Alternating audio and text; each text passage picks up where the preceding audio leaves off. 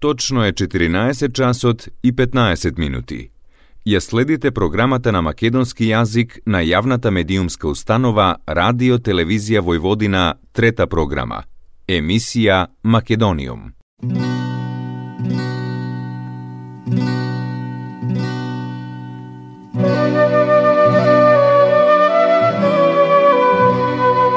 Добар ден и добре дојдовте во најновото издание на емисијата Македониум. Со вас почитувани слушатели, вашиот уредник и водител Јулијана Милутиновиќ, секоја среда со почеток во 14 часот и 15 минути. Македониум Синиша Новески е македонски и светски наградуван академски скулптор, магистер на ликовната уметност и едукатор. Има повеќе од 20 скулптури изложени на јавни простори во Македонија, Србија, Бугарија и Соединетите држави, а излагал на 19 самостојни и повеќе од 30 групни изложби. Член е на Друштвото на ликовните уметници на Македонија, како и на Друштвото на ликовните уметници од Македонија во Србија, каде што беше член на управниот одбор од 2014 до оваа година. Има учествувано на повеќе од 10 ликовни колонии и симпозиуми и има освоено исто толку награди, како за собствените уметнички дела, така и за творештвото на неговите ученици. Оваа година неговата скулптура Семејство од Корнато ја освои главната награда на годишната изложба на Друштвото на ликовните уметници на Македонија. Пред само десетина дена Синиша ја доби наградата Константин Мазев Коце, која ја доделува културно-информативниот центар во Скопје. Наградата му беше доделена на изложбата Уметничко творештво од мал формат за скулптурата Липсан. Изложбата Мал формат ја организираше Друштвото на ликовните уметници на Македонија, како и секогаш, и на неа учествуваа 40 уметници со 55 дела, работени во различни медиуми. На наше огромно задоволство денес зборуваме со Синиша Новески, од неодамна македонец во Скопје, а до одамна македонец во Белград. Синиша честитки за наградите, две прекрасни награди и тоа во многу краток временски период. Кажете ни какво е чувството после после подолго отсуство на сцената во Македонија, одеднаш да добиете две награди за две различни дела и тоа во мајка Македонија. Благодарам на поканата во вашата емисија Македониум.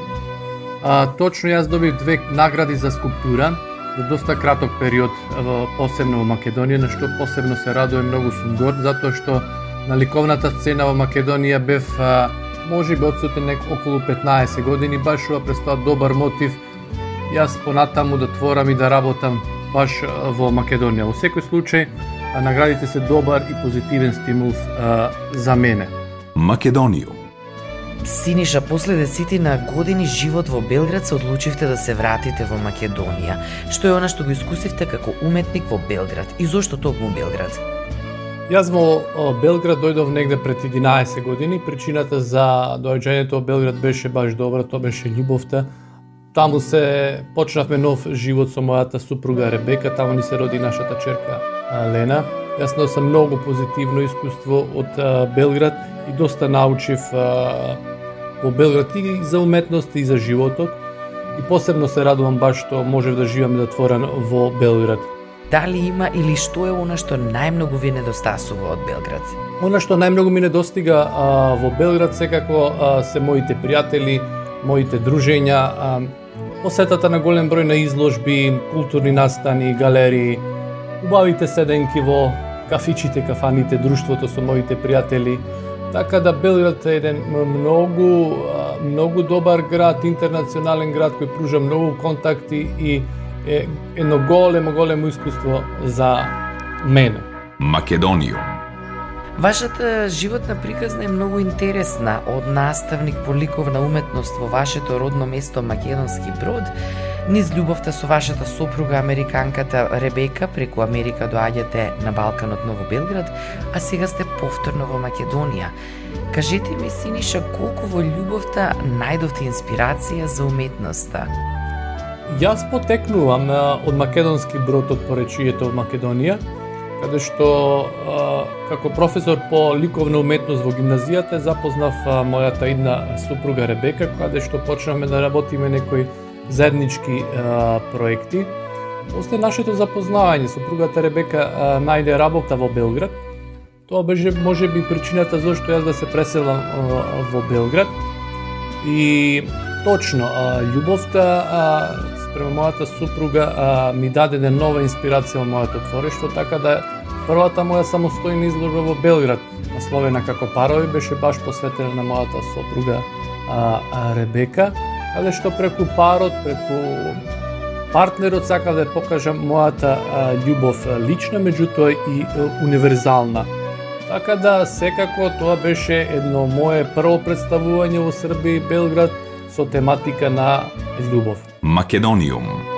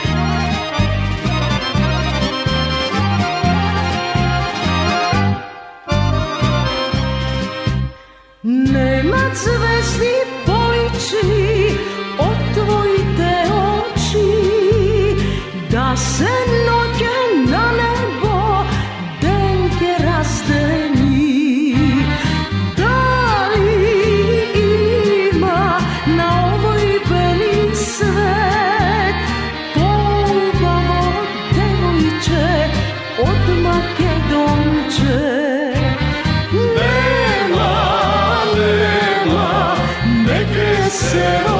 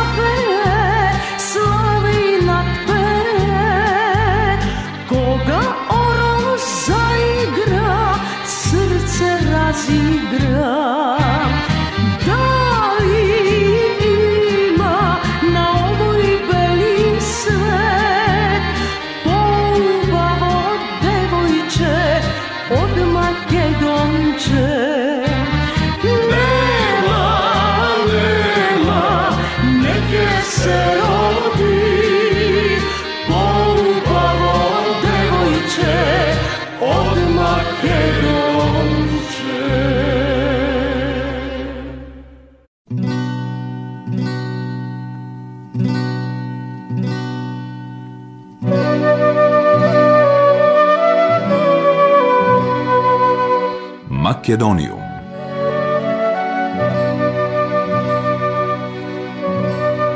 Во денешното издание на емисијата Македониум, наш гостин е Синиша Новески, македонски и светски наградуван академски скулптор, магистар на ликовната уметност и едукатор. Што е она што најмногу ве смени професионално откако ја напуштивте Македонија, што најмногу влијаеше на вас како инспирација?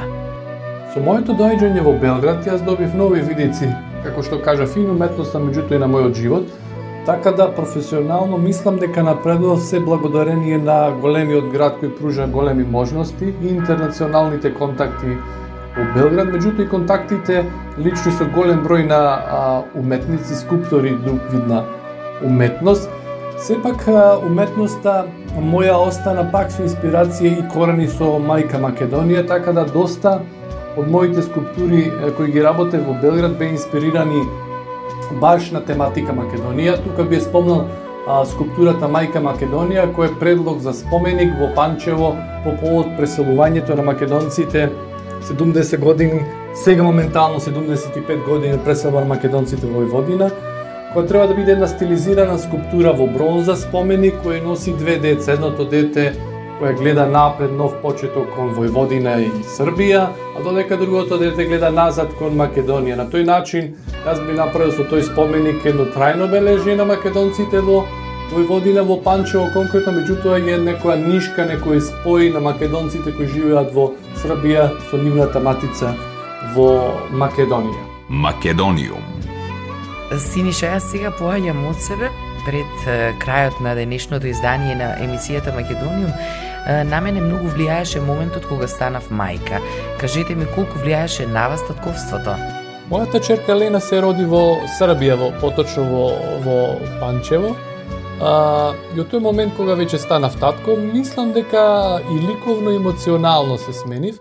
Емоционално а, станав по поплашлив, поодговорен, по пострплив. А, а, мислам дека се сменив, Меѓутоа исто така се сменив и на професионален план, мислам на скулптурата, затоа што со доаѓањето на мојата черка Лена, да јас почнав некој нов циклус на скулптури, а, наречен семејство, каде што преку семејството, како три фигури на мојата черка, супруг и јас, правам цела серија на изложба тематика семејство, така да самото постанување на татко а, за мене влијаеше и лично како како како човек, меѓутоа и ликовно како скулптор да имам некои нови видици, да најдам нормално некој некој нов мотив во скулптурата каде што ќе се изразам преку тридимензионалната форма. Македониум. И што е она што ве донесе назад сега во Македонија? Љубовта кон татковината? Од пред неколку месеци јас и мојата супруга и черка, моето семејство се преселивме во Скопје Постоја повеќе причини, меѓутоа една од главната причина беше секако а, речењето кон мајка Македонија да бидеме поблиски до моето семејство, до моите родители, до моите пријатели, до мојот а, град Скопје. А, сакавме на еден начин а, своето искуство кое го стекнавме во Србија и во Белград да опренесиме баш а, во Македонија сега. Баш во овие тешки моменти Македонија кога мислам дека секоја помош би била добре дојдена, Посебно јас мојата супруга би можеле да помогнеме во областа на културата, уметноста и образованието. Македониум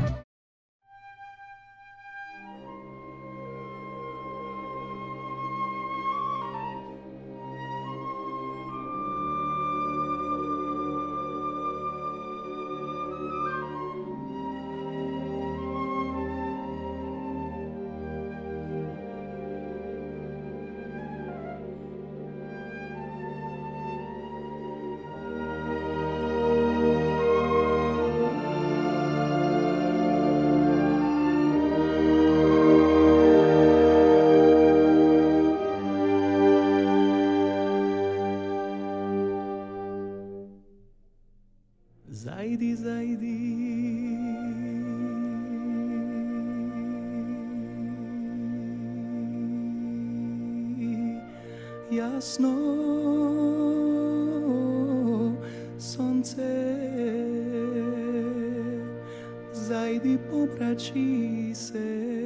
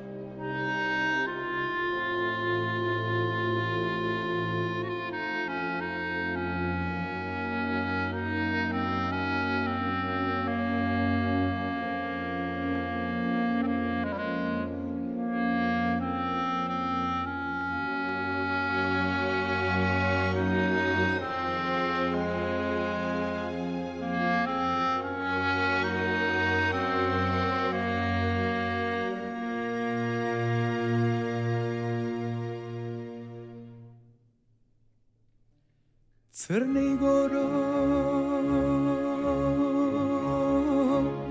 crne sestro, dvajca da crne ime.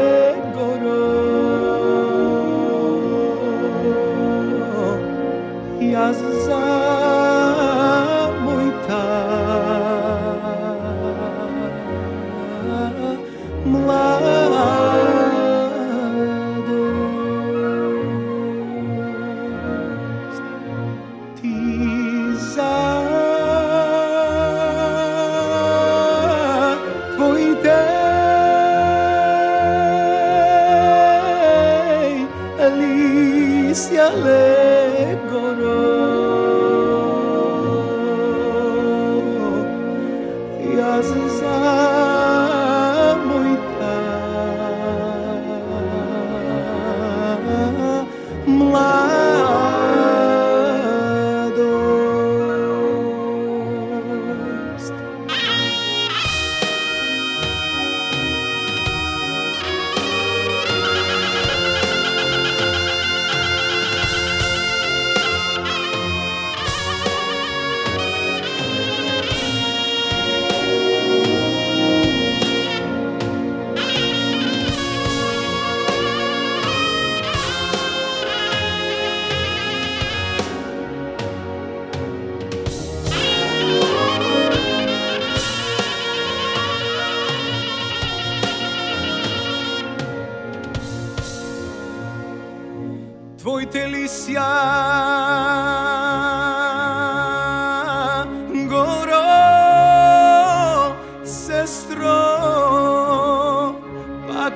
seu braço.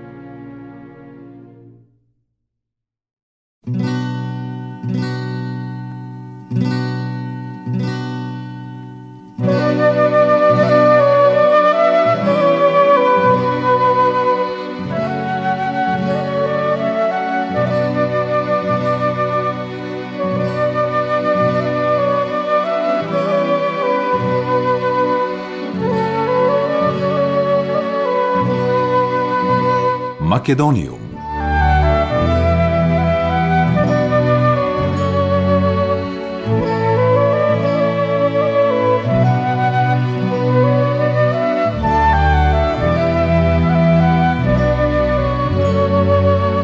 Во денешното издание на емисијата Македониум зборуваме со нашиот скулптор, уметник и едукатор Синиша Новески и некаде сме веќе пред самиот крај од денешното издание на емисијата Македониум. Синиша, постои или македонска народна песна која ви е особено драга и која секогаш со задоволство ја слушате? Генерално ги сакам сите македонски народни песни, би издвоил неколку, би издвоил Зајди Зајди, Македонско девојче, Шејчерна, така да секоја песна македонска јас уживам и представува посебна инспирација за мене и за моето ликовно творештво, меѓутоа и посебно задоволство на душата. Македониум Синиша, ви благодарам што денеска одвоивте време да гостувате во емисијата Македониум. Ви посакувам уште многу инспирација и создавање на прекрасни дела, па со нови награди и нови муавети повторно да зборуваме во оваа емисија. Ви благодарам и вас на поканата, беше голема чест и задоволство да бидам во вашата емисија. Поздрав до сите македонци во Србија, да живеат Србија и Македонија. Све најдобро.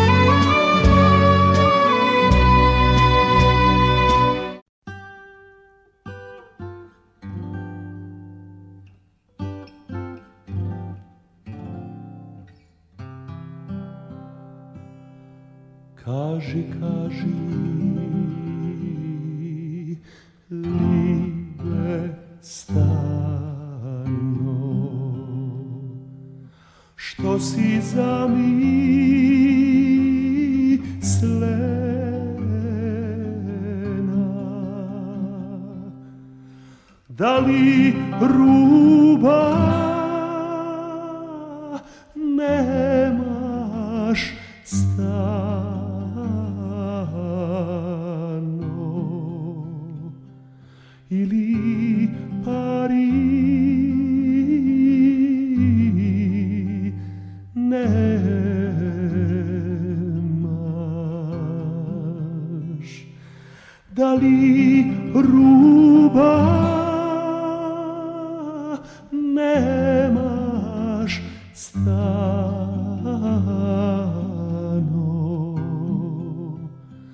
Ili pari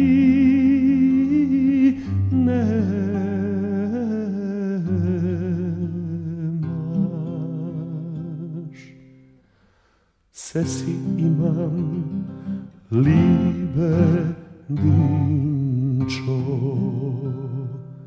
samo jedno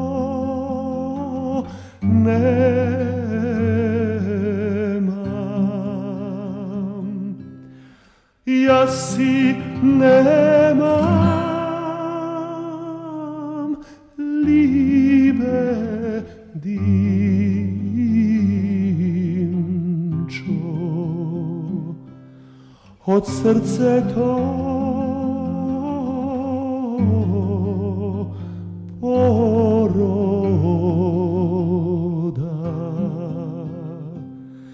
ja si nemam libe dinčo.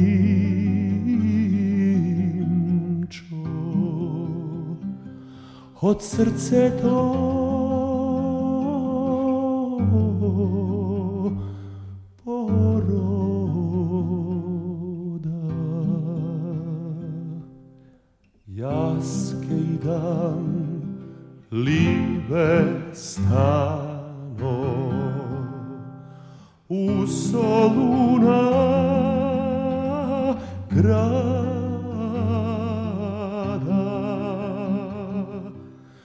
që ti ku libe stano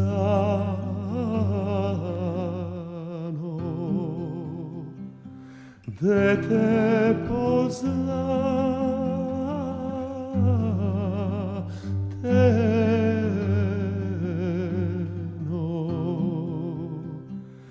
che ti cupa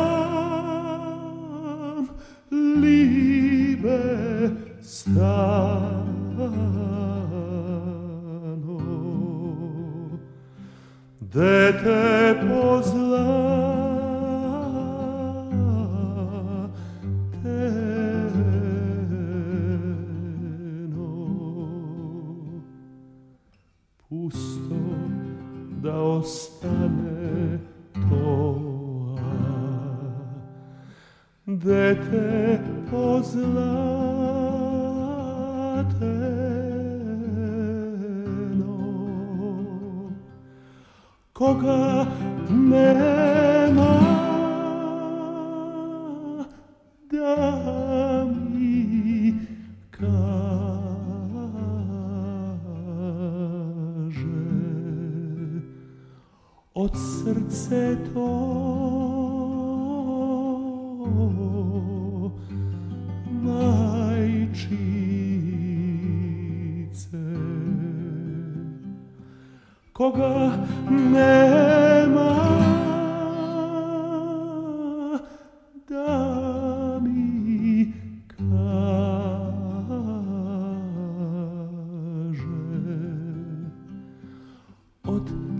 срцето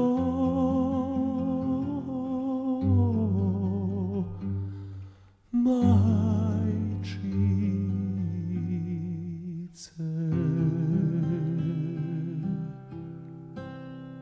Македониум.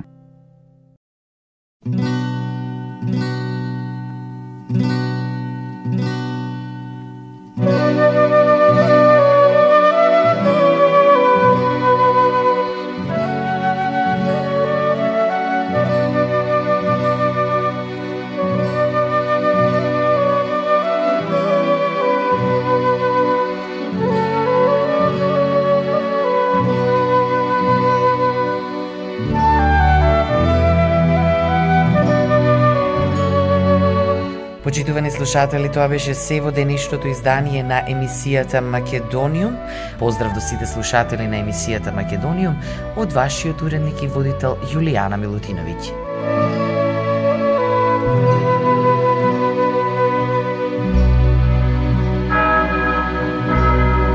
Ја следевте програмата на македонски јазик, емисија Македониум. Главен и одговорен уредник Воин Поповиќ.